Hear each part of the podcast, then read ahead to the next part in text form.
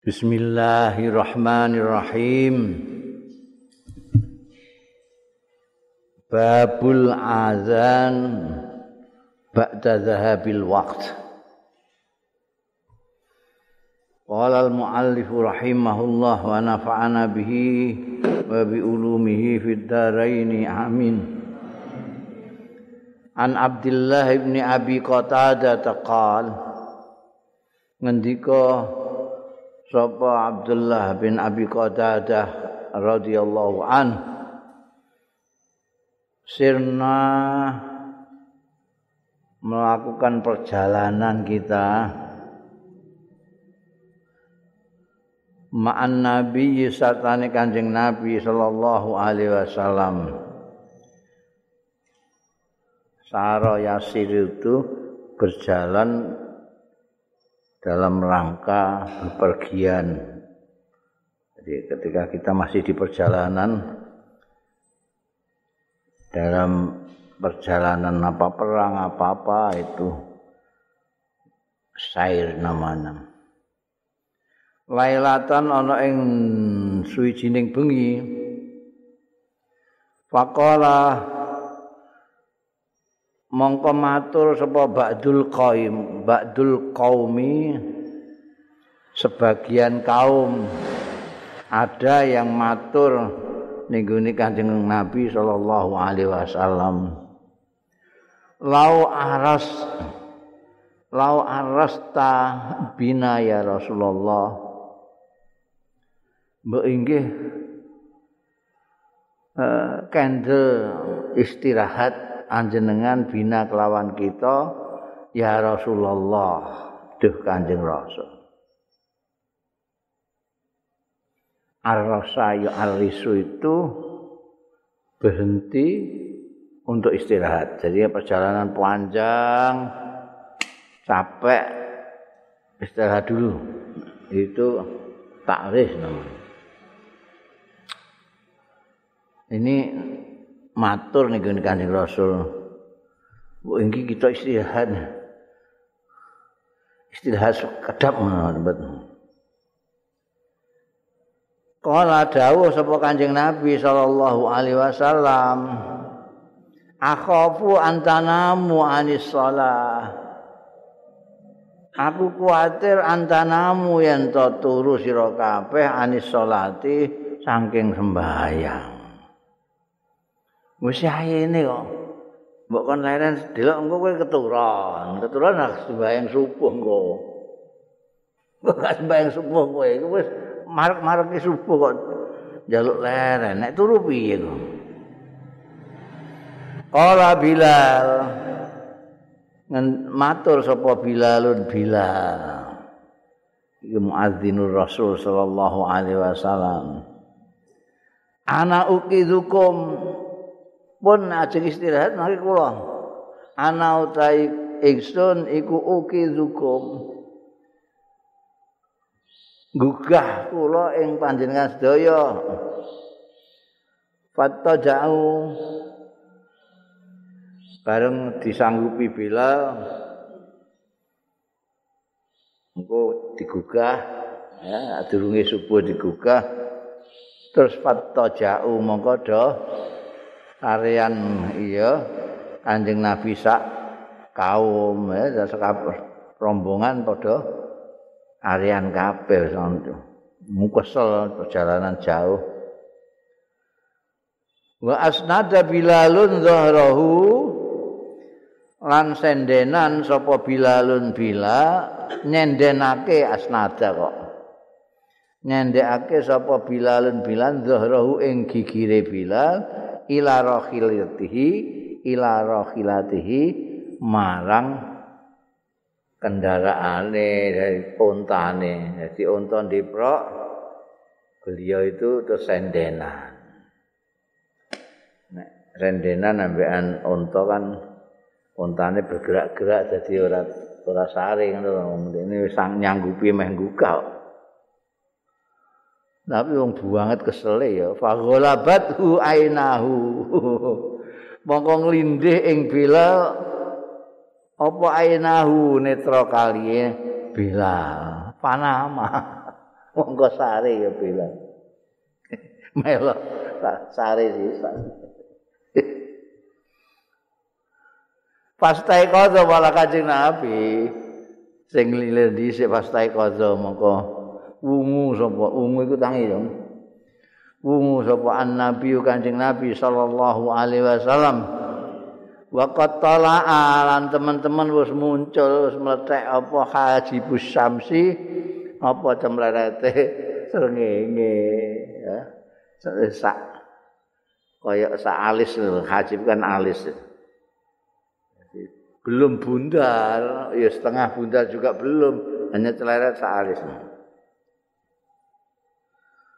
Pakola kok dawuh sapa Kanjeng Nabi sallallahu alaihi wasallam, "Ya Bilal, eh Bilal. Aina makulta?" Endi barang sing kulta ngucapake Jare ini arep gugah wong. Iki wis padange koyo ngene. Kowe isih turu.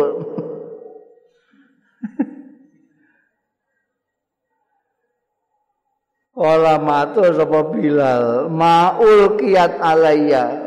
Mboten ditibakno alayya ing atase kula apa naumatun tilem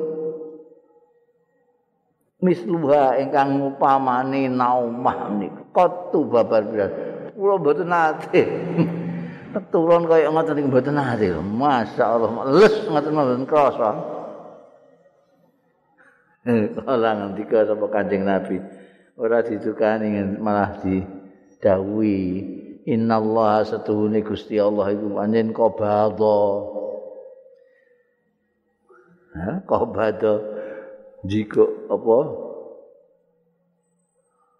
Mundut arwahakum ing roh-roh ira kabeh. Kina kapan wae ngersakake sapa Allah? Warad dalan balekake sapa Allah ha ing arwahakum alaikum ing atas sira kabeh kinasaa kapan ngersake sapa Allah? Ya Bilal eh Bilal kum saiki ngadeg Pak Zan Pak Azin mongko azan sira bin nasi lan nusa bis salat lan sembahyang. Fatawaddo amaka wudu sapa Bilal falam martafaati samsu bareng wis munggah apa samsu sengenge wa piyadot lan padang kau maju meneng sapa Bilal fasalla Bilal ya kena kanjeng Nabi Muhammad sallallahu alaihi wasallam kanjeng Nabi ya kau maju kanjeng Nabi koma itu kabeh ya melok koma Pasolah mongko salat sapa Kanjeng Nabi sallallahu alaihi wasallam. Ya ngimami. Hmm, tahu kedadian ngono iku ya. Banget kesel. Nah, dalam perjalanan peperangan itu suatu malam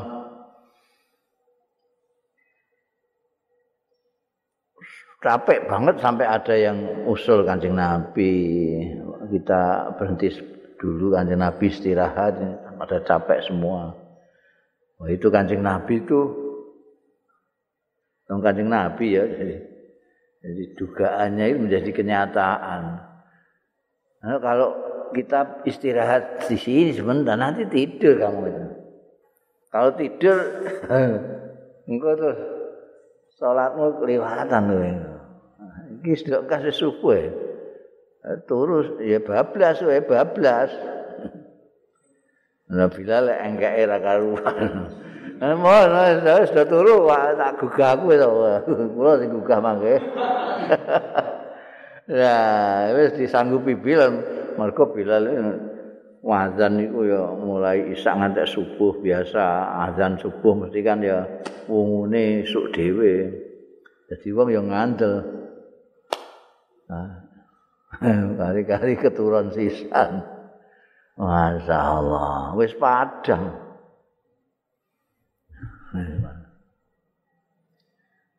Jadi Nabi malah dawuh yang menukui Gusti Allah Taala itu mengambil roh kalian itu kadang-kadang sebentar terus dibalik nona ya saat kesana Gusti Allah sing nitahna Gusti Allah kowe dijabut delok nyawamu gak rasa apa-apa Engko dibalekno nek Gusti Allah ngesake. Ana sing gak dibalekno lha iku sing bablas. Ya. Wong tidur itu kan setengah mati sebetulnya. Jadi gak iso mikir, gak iso merasa, gak iso apa-apa lah. Jadi kaya wong mati. Tapi Gusti Allah ngesakno dibalekno neh. Tangi sadar. Iki yang ngono. Wape iblis sampai termasuk Bilal sing janji arep nggugah iki mau ya juga melok mati sisa. Malah Kanjeng Nabi sing wungu dhisik dhewe. Wah, sawan ngene mateng aku. Bilal iki piye? Piye? Mau ngomong apa ya? Ayo nama kulta. Nanti cak ya omongamu arep gugah-gugah bareng. Terus dikongkon azan, ya azan itu sawan. Iki tahu kedadian azan wis sawan, segingi wis meletek azan. Hmm? Wah, saiki ya gue dong, saiki gue nganggo nganggo speaker. Gue kira iku sembayang apa kok. Ini ulama fikih juga berbeda-beda pendapat. apa jenenge uh, Imam Syafi'i ora ora rasa hazan nek kawanan. Imam Malik bareng azan. Ya kak. Apa disunahno juga azan. Imam Syafi'i juga awan ya ora usah azan.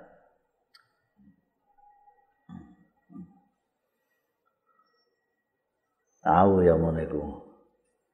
Anjing Nabi. Tapi mereka ana darurat betul ya. Nek kowe terus tawanan terus azan itu ya. Alasannya apa? Alasane bandel bal-balan ya. Ora iso mbok padakno karo iki. Di dalam perjalanan jihad bisa bilillah kesel keturunan pada anak bandelok bal-balan Liga Itali terus kawanan berjamaah terus azan terus jamaah subuh wayai duha konangan wartawan ditulis ya. Bundel babu wujub salatil jamaah. Bab wajib salat jamaah. Jamaah itu wajib. Sing ora wajib namo Imam Syafi'i? Dari ini hadis ini yang jinggu atau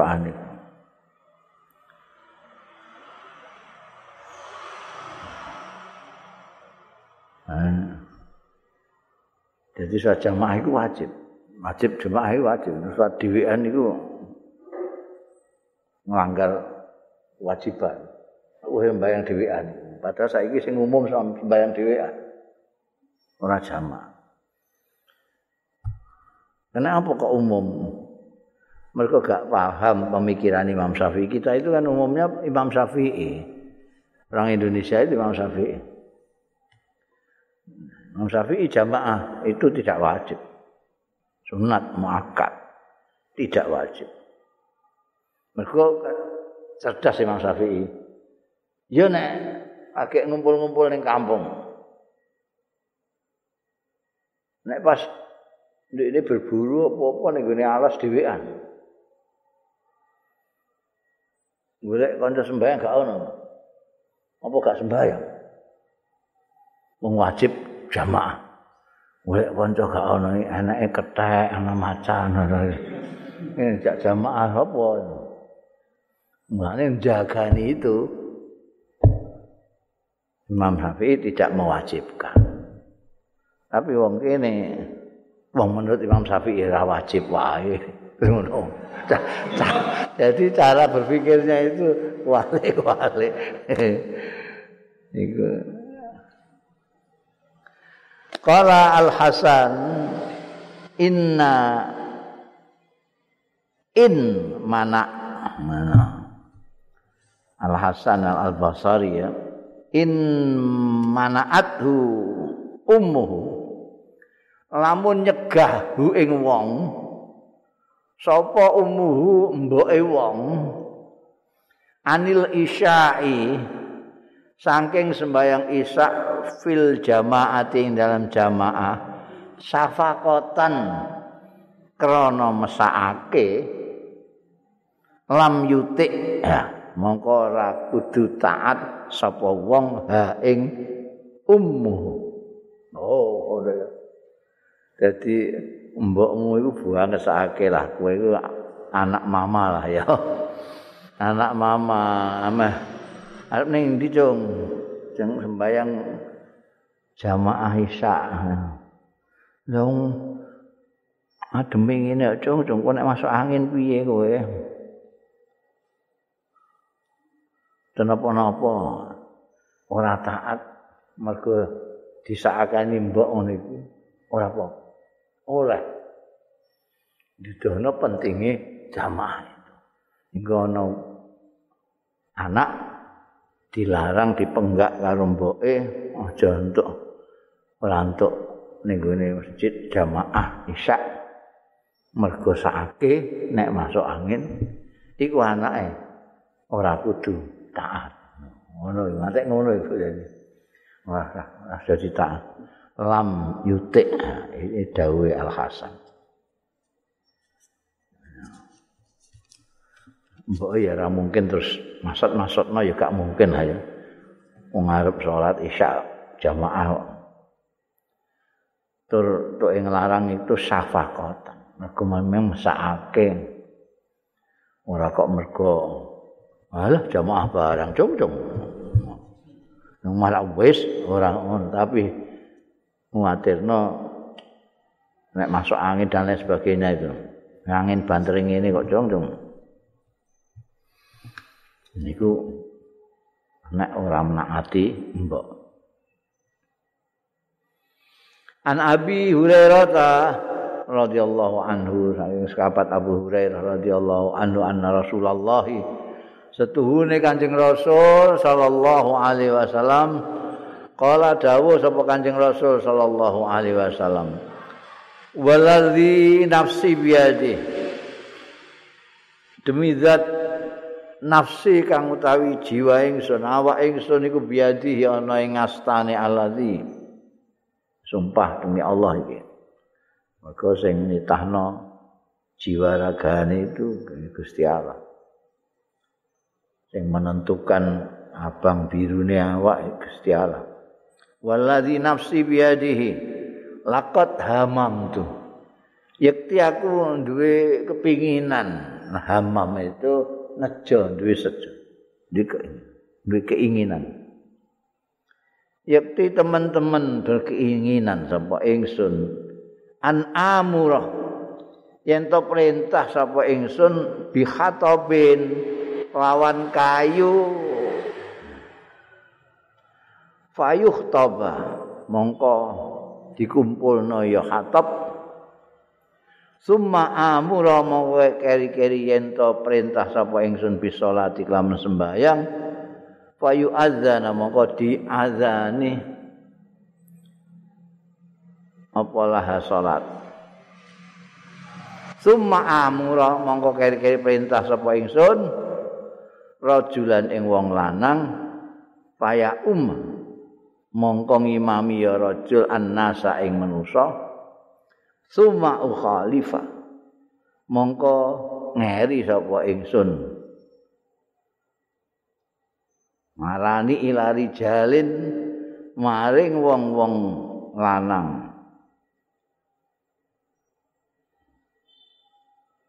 Fa ukharrika utawa fa ukhrika mongko ngobong sapa ingsun alaihim ing atase rijal buyu tahu ing omah-omahe rijal. Iki sing marakno ahli-ahli fikih mewajibkan itu kan mergo ana dawuh. Iki termasuk diantaranya karena kanjeng Nabi kok sampai sumpah aku jane kepengin banget. Satu saat itu apa jenenge? Uh, aku perintah wong kon golek kayu ngumpulno kayu-kayu terus sing biasanya sholat itu mesti kanjeng Nabi Muhammad sing imami. Wis kumpul kayu. Eh aku terus kongkonan wong kowe sing imami. Nah, kanjeng Nabi dhewe kanjeng Nabi emang golek wong-wong sing ora melok sembahyang jamaah itu. Omahe tak obongane ngono. Eh jadi digoleki endi? Omahe wong sing ora melok jamaah ning masjid sapa? Tak obong omahe. Iki mesti senajan pengandaian itu menunjukkan bahwa pentingnya berjamaah. Nabi Muhammad sallallahu alaihi wasallam ingin menunjukkan penting sekali jamaah itu. Kumpul ambil. Dan itu menjadi apa namanya eh, jamaah itu kan kebersamaan. Kebersamaan. Jadi biyen iku ana sing jenenge masjid ana sing jenenge masjid jamek. Masjid itu fungsinya untuk kumpulnya orang-orang di situ setiap waktu. Subuh, luhur, asar, maghrib, isya. Nah, tinggu nek arep ana sing ngenteni asar ngenteni maghrib, maghrib ngenteni isya. Iso iktikaf ning kono. Nanti kalau seminggu sekali pada hari Jumat mereka kumpul lebih dalam jamaah yang lebih besar yaitu di Masjid Jami. Kalau tadi itu sak kecamatan sak kecamatan hari Jumat itu sak kabupaten kumpul. Yen ning Madinah itu juga begitu, di Madinah itu banyak masjid-masjid banyak. Sahabat Abu Bakar punya masjid sendirian, masjid banyak. Tapi kalau Jumat mereka ngumpul di Masjid Nabawi. Kumpulan. Ini seminggu sekali. Nanti kalau setahun sekali masjid tidak cukup, pakai lapangannya juga, pakai.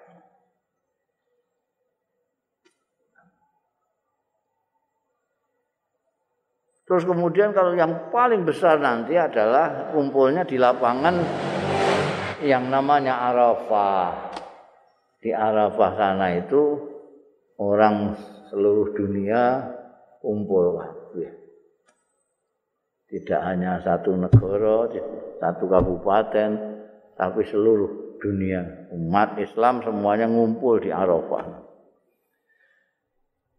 Itu jadi memang agama Islam agama sing seneng kumpul-kumpul. Seneng kumpul-kumpul.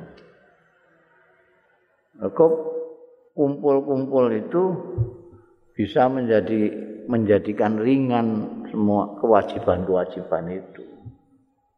Ya. misalnya kue bayang jamaah itu, kue rapati fasih, ono imam. imam sing nanggung kefasihane wacanamu barang kuwi. Nah.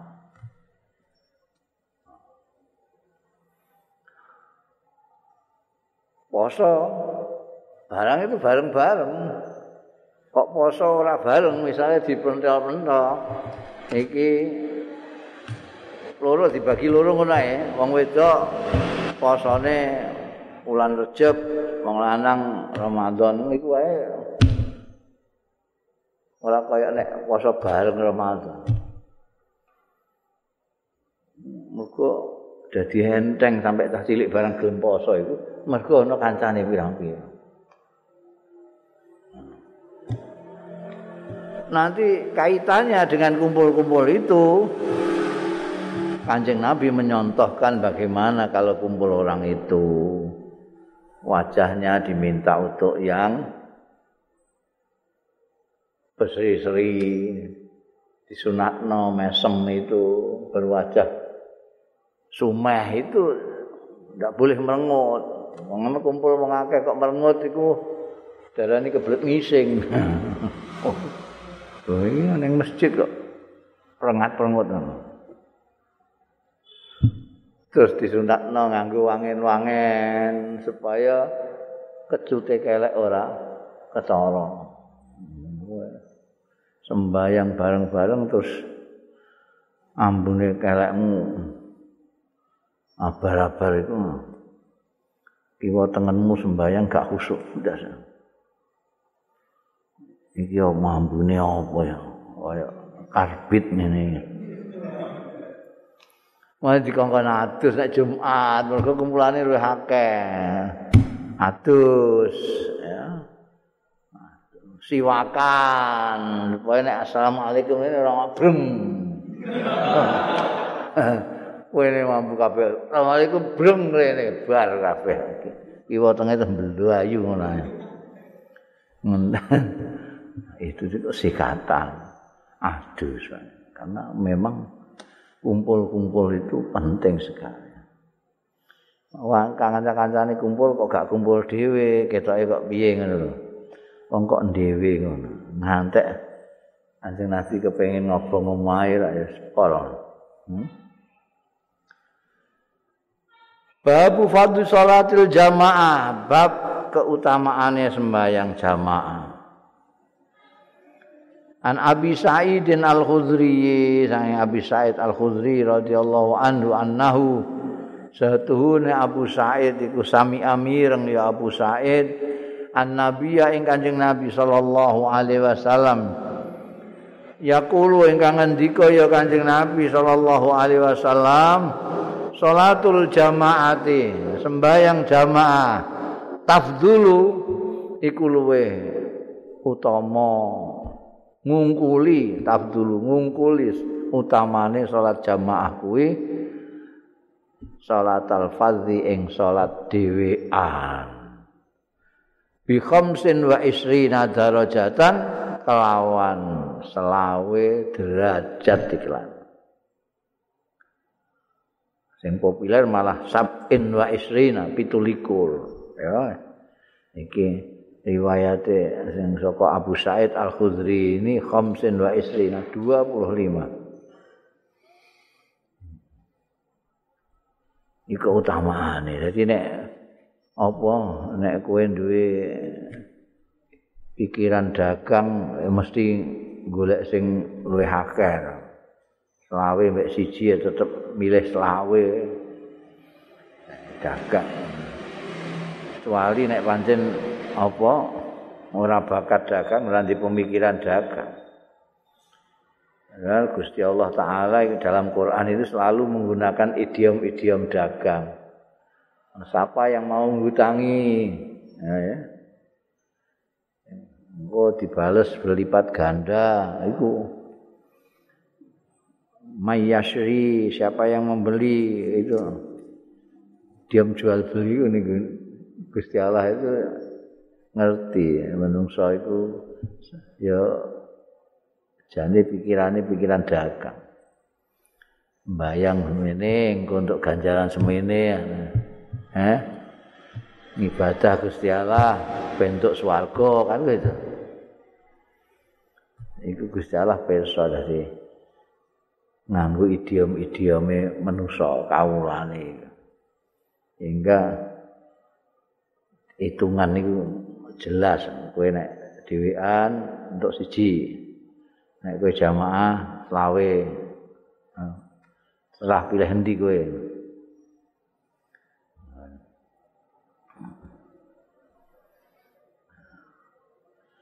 kecuali nek kowe golek kanca sejak sembahyang gak ono koyo ning alas iku mau.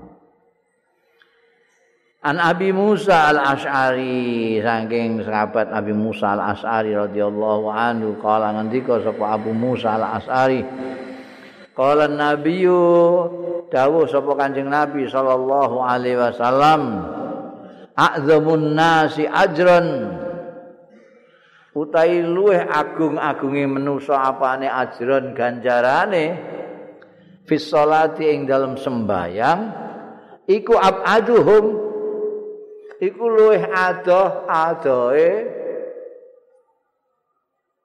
nas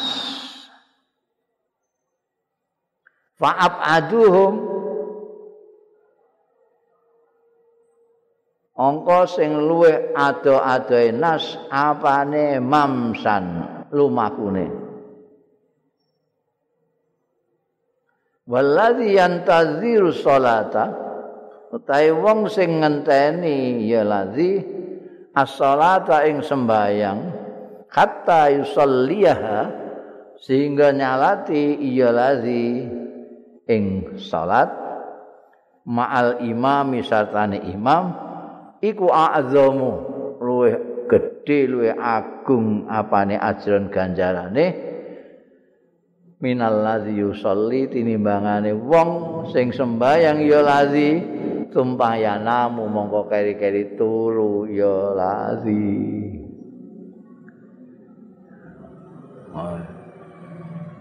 jadi sholat itu pahalanya tikal-tikal Nek kowe salat dhewean siji salat jamaah 25 minimal, 27. Apa nih darajatan? Darajat ya. Itu redaksi ini nganggo darajatan, ada derajat. Jadi bisa saja derajatnya itu 25 tapi nilainya tidak sama dengan yang 25 derajat juga karena ada masafah, ada keikhlasan niat, ada ketulusan, tidak riak, tidak segala macam. Jadi mulane istilahnya nganggo darajat. Orang nganggo angka, selawe rupiah ngono gak derajat. Ya, hadisnya sahabat Abu Musa al-As'ari ini Anjir Nabi ngendikana azamun nasi ajran fi salat abadu. Jadi gue membayang ning masjid kauman iku luwe luwe gede ganjaran di bangunan kene. Padha-padha misale ning kene ya jamaah ning kono jamaah kene 25 derajat, sana 25 derajat, bobote sing beda. Sana lebih gede. Ana ya, mulane nganggo derajat. Nek kowe mbayangmu ning karang gendeng kono, wah luwih akeh nek iku. Mergo apa? Mergo dihitungane dari hitungan jangkahmu itu. Nah, ini kene kene kok pirang jangkah ngono. Nah, aneh wong saiki iku justru mencari dekat. Berarti gak ngerti ilmu dagang. Misalnya saiki kan akeh masjid. Itu kan alasannya masjid kono kadoan. Gaya masjid dhewe ning kene. Jadi saiki iku ora trimo setiap kabupaten, ora trimo setiap kecamatan, setiap desa iku ana masjid dhewe-dhewe. Ae sehono kantor digo masjid. kantor di masjid Jumatan barang kan ana. Upaya cedek. Apa istilahnya efektivitas, oh, efektif, efektivitas. Jadi nggak ngerti hitungan dagangnya, efek lebih jauh itu lebih anu. Abadu mamsan. Jadi jalanmu lebih jauh, itu lebih banyak pahalanya, lebih agung pahalanya. Pemenang nek kue barang tekan kono tekan terus tengok-tengok ngenteni sembayang mulai kue sembayang subuh ning kono terus ngenteni zuhur ya. Engko jajan ning kono akeh pakanan iku ning kono. Engko terus mlebu ning masjid neh itikaf ngenteni asar. Asar ngenteni maghrib maghrib ngenteni isya balik Orang kita itu juga bisa begitu itu. Tapi kalau sedang haji atau umroh, kaji be umroh itu hampir semua orang jamaah itu ngono kabeh. Jalan jauh sekali. Maktab itu kan bisa 7 kilo kan. 7 kilo dari Masjidil Haram. Jalan mereka. Eh, jalan timbangannya Bali ngembalik nah 14 kilo daripada gitu ya mangkat aja subuh balik kok nek bar mangan barang duhur mangkat gak mulai nganti isya. Mesti terus saya mau nek barang ning kono wis enak apa jenenge? Toilet jeding pirang-pirang lah komplit nah, itu begitu pulang ke Indonesia tradisi gue sebar itu rumangsane ngono iku sing ana ganjare nang kono tok. Kene wis ora ngono nah. Nek jamaah-jamaah haji be umrah iku mulai ya ngono. Wah, iku pengaruhe mungkin gede kanggo liya-liyane ya. Iso nulari. Iku lanang wedok tuwa 6 suwe kepene mesir ndak karo-karuan ning kono. Masane ning kene terus gak ana ganjarane ngono piye? Heeh. Babu fadli tahjir ila zuhri wal muhafazati ala al isya'i wa zuhr. Bab utamane tahjir. Tahjir itu berpanas-panas karena nek kowe zuhur mangkat jam 11 itu panas itu. Panas banget tahjir itu. Dari hajar, hajar itu hajar itu panas awan itu. Beduk istilah kene beduk itu kan panas. Mulane ditambahi tahjir ila zuhri temekane zuhur. Jadi sebelum zuhur yang sangat panas karena matahari persis di atas kita, ini sudah berangkat. Wal mukhafadati lan fadilai ngrekso alal isya wa zuhri ing atase isya lan zuhur. An Abi Hurairah ta saking sahabat Abi Hurairah radhiyallahu anhu anna Rasulullah satuhune Kanjeng Rasul sallallahu alaihi wasallam kala dawuh sapa Kanjeng Rasul sallallahu alaihi wasallam Bainama rajulun nalikane wong suwiji ya amsi iku maku ya rajul bitori kenana ing suwijining dalan. Wajada nemu ya rajul husna syaukin ing pang berduri. Iki mbah mbah pang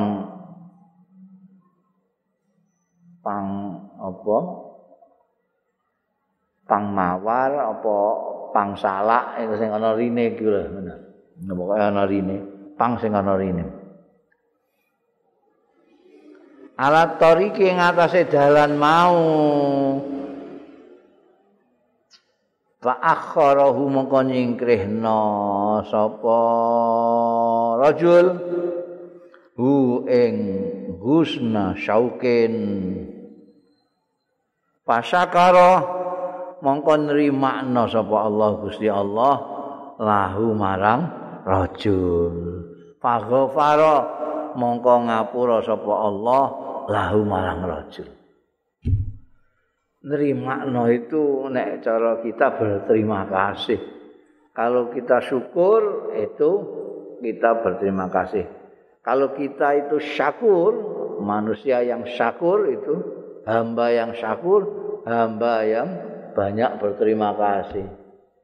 Ngerti berterima kasih itu syakur. Nek Allah itu Tuhan yang maha nerimake. Artinya gue nglakoni ngamal apik cilik apapun diterima nabi Gusti Allah.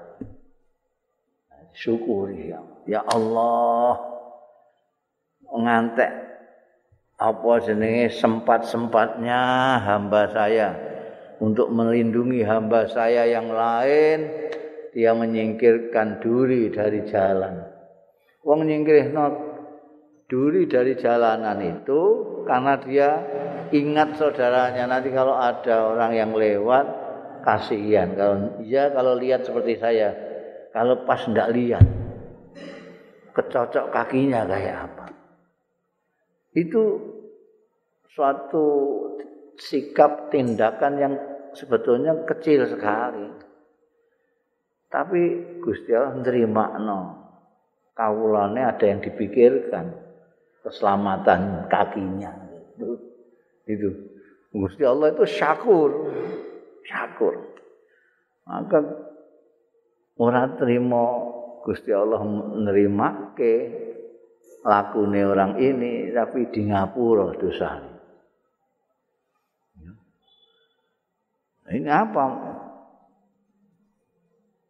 intinya apa intinya kita itu perlu peduli dengan orang itu tidak hanya kita peduli keselamatan kita sendiri juga peduli kepada keselamatan orang lain karena itu ada nilainya sendiri di mata Allah Subhanahu wa taala.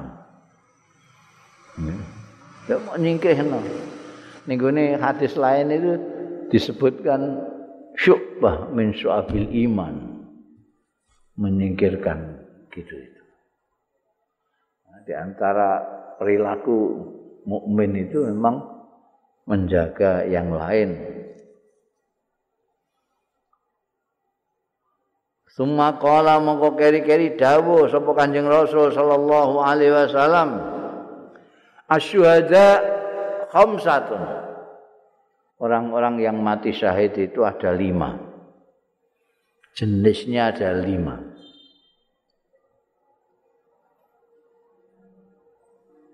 Pertama al-mad'un sing kena taun yang meninggal karena Covid ini juga termasuk matun itu. Itu mati syahid. Pemana kok sing tenaga medis sing kena. Itu matinya mati syahid. Wal mabtun lan sing lara weteng. Mabtun.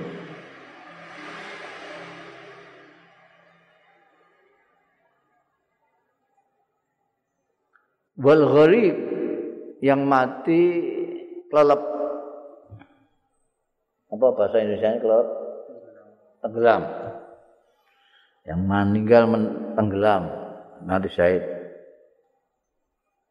kecuali Fir'aun sak balanya karena tidak mukmin tidak iman ya ini bakas iki wong sing mukmin. Al gharib sing kelelep. Wa sahibul hadmi. Lan sing keruntuhan. Sing orang yang kena reruntuhan. Gedung ambrol eh? gempa bumi kemudian rumahnya hancur nibani dikne dikne mati syahid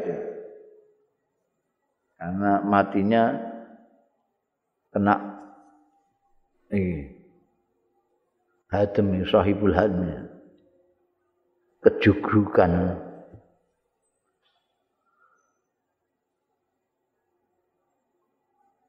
Al-Mat'un, Al-Mabtun, Al-Gharib, Sahibul Hadmi yang kelima wasyahidu fi Syahid yang fi sabilillah itu sudah karuan ya. Orang yang kena taun sakit perut, tenggelam, Aibul Hadmi itu termasuk syahid juga. Itu kemurahannya Gusti Allah Ta'ala ini kawulane manusia ngono Jadi sakit itu mengurangi dosa, eh? menjaga orang sakit, mengurangi dosa. Orang yang kena bencana seperti ini mati syahid. Itu kemurahan Gusti Allah Ta'ala.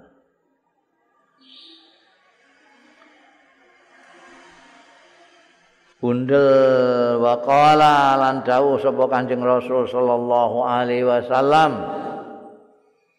Lau ya'lam lau ya'lam lamun ngerti sapa annasu manusa ngerti maing barang fin nida ing dalem pengundang-undang salat. Ya Rasulullah ayal falah fin nidai wasaffil awwalilan ing dalem saf awal. Sumalam yajidu mongko keri-keri ora nemu sapa nas. Illa ayastahimu kejaba yen to? Undian ya nas lastahamu. Yakti undian alai ing atase mah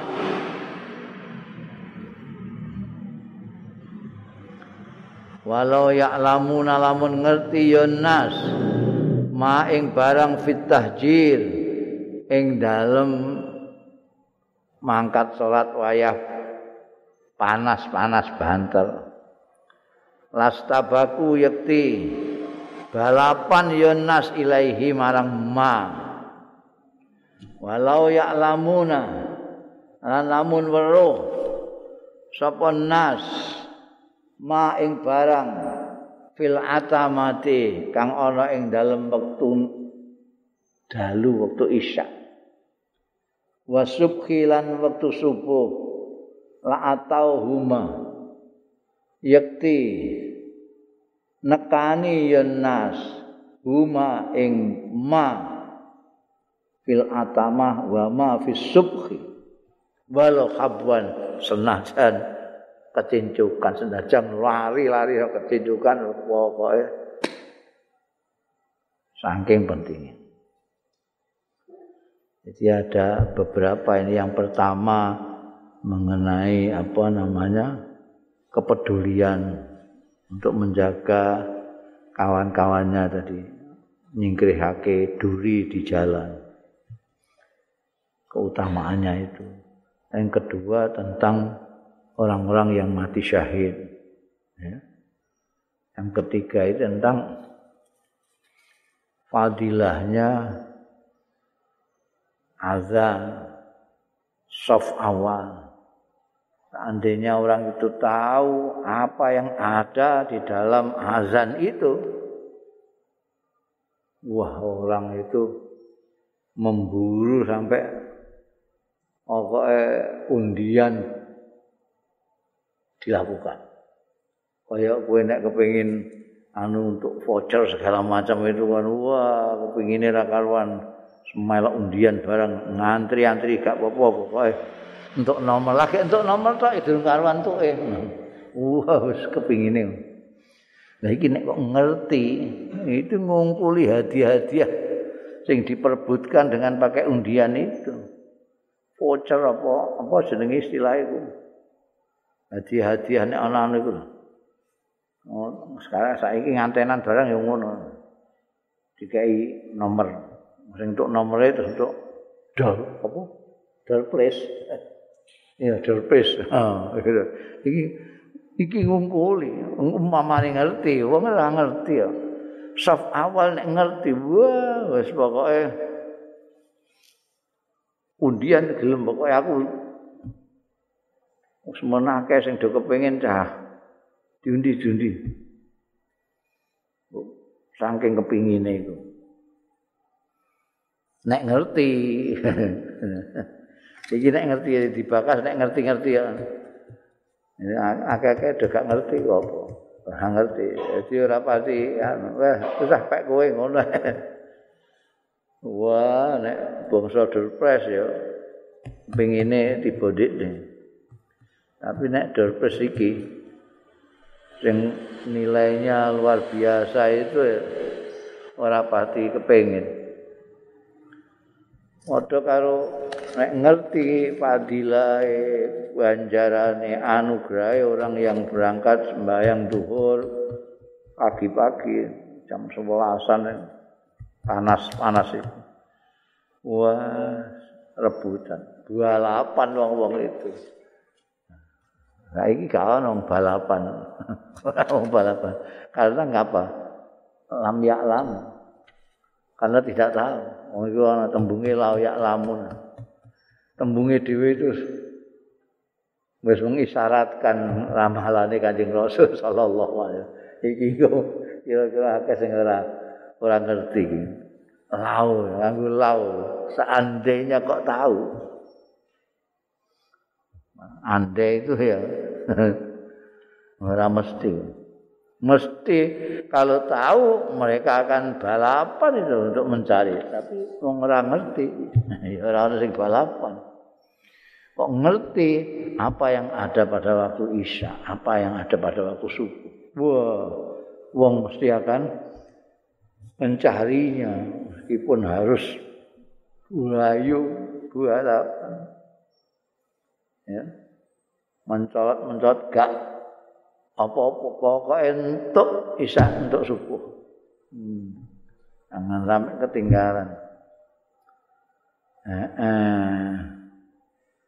Babu fadil masajid wa sab'ah yuzilluhumullah wallahu a'lam.